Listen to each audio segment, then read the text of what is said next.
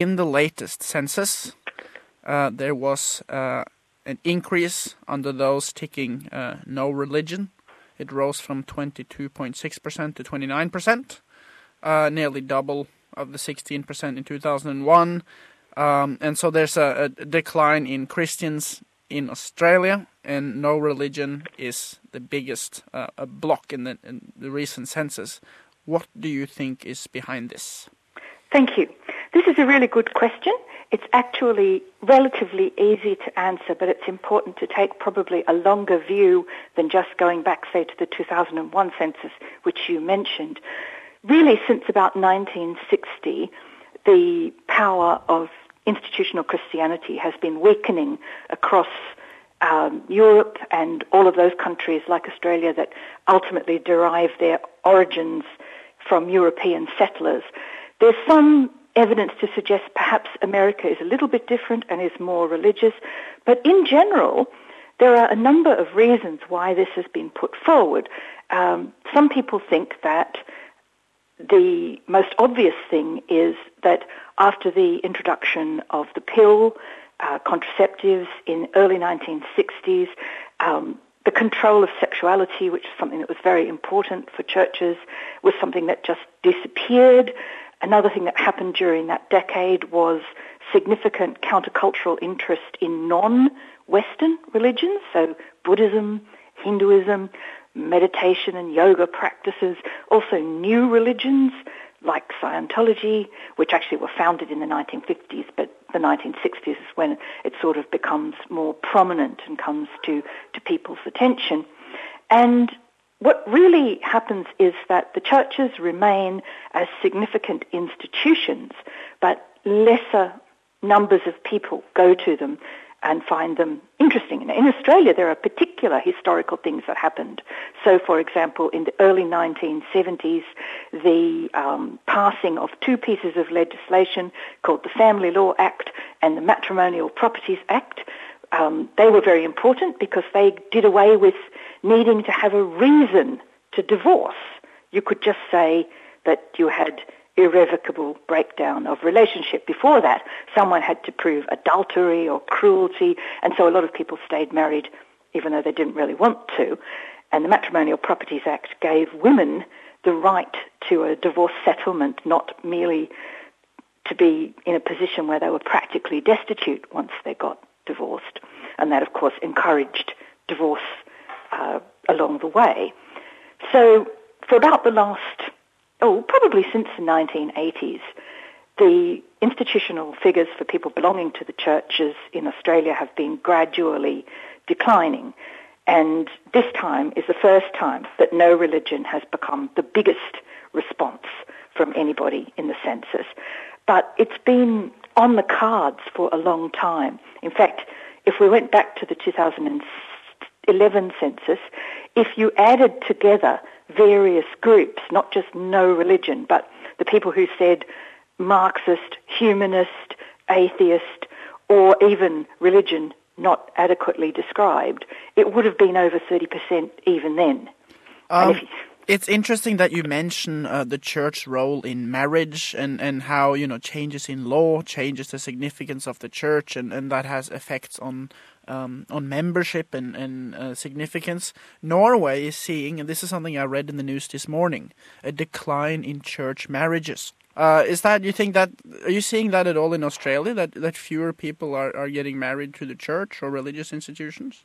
I would say that that is definitely true, and probably as long ago as maybe the 2006 census, um, one of the problems with censuses, of course, is people may identify as a member of a certain church. So you probably noticed that in the 2016 census, it was 52% of Australians who said they were Christians. But you have to match that information up with other information that's available from other sources. And the two most obvious ones um, are a thing called the National Church Life Survey, which is conducted and gives a much clearer idea of how many people actually attend church. Um, and they generally say attendance is regular if you go every two weeks or even every month. So it's not very, very strong. And the National Church Life Sur- Survey usually says that about 9% of Australians attend a Christian church. And if you add all the people who are religious but not Christian in, it's probably about 14% of Australians who go to some kind of religious institution, mosque, synagogue.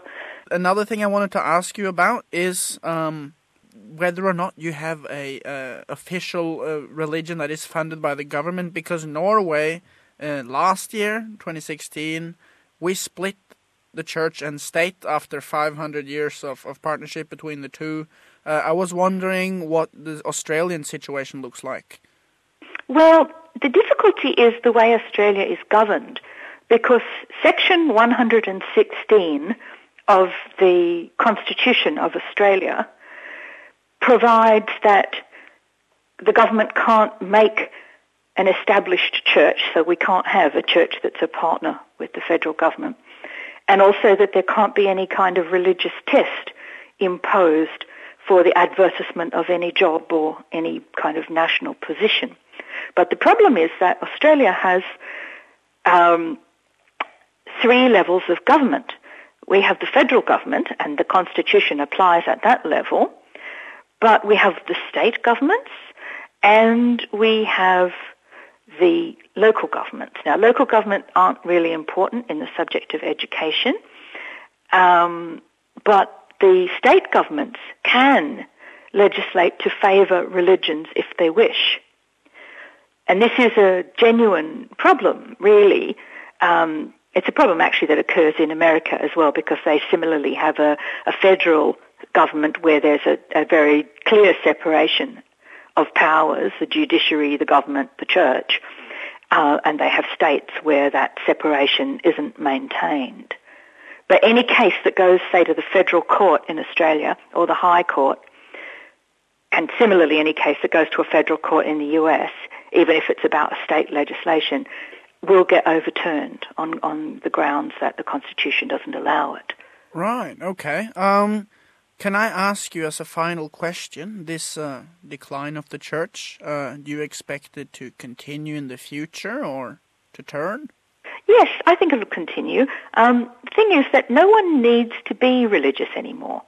If they don't want to, they don't have to. The church can't compel you to do anything. And people now like the idea that they have choice. And in religious studies, you know, which is my academic discipline, um, a lot of people apply a kind of um, commercial or, or mercantile model and, and look at religion a little bit like other consumer products. And the difference now is that there's lots of different religions you can choose if you like, if you want to be religious. And if you want to be religious sort of a little bit but not the whole way, you can too. I certainly have friends who are entirely non-religious who nevertheless started going to church because they wanted their children to go to a Catholic school. Right. And then you've got this whole situation where if you're thinking about it like it's a, it's a consumer model, then there's always going to be some people who want to buy a certain kind of product, and it might only be 10% or 20% or 30% of the population, but it's a significant enough of, of a market to keep it going, you know? And then there'll be other people who don't want that product and aren't interested in it. So even though we do have some churches in Australia that are growing, the most obvious ones being Pentecostal churches, actually they do not compensate for the numbers that are being lost from the other more mainline churches.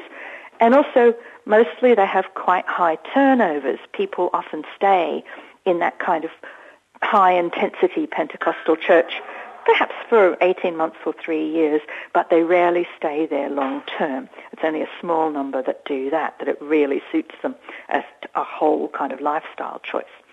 So yeah, I think that um, we've already seen in, in Britain numbers of people who are um, even identifying with the church is much lower. Somewhere like Ireland, which used to be completely controlled by the Roman Catholic Church, they had the first popular plebiscite vote in favour of gay marriage, and now there's hardly anybody who's really interested in the church. I was at a conference quite a while ago. Let me work it out. Which year was it? 2009, I think. And even then, the guy who opened the conference said that in the previous year, more people had been ordained Buddhist monk in Ireland than had been ordained a Catholic priest. Wow. So, and, and the sexual scandal surrounding um, Catholic Church in Australia probably does not help.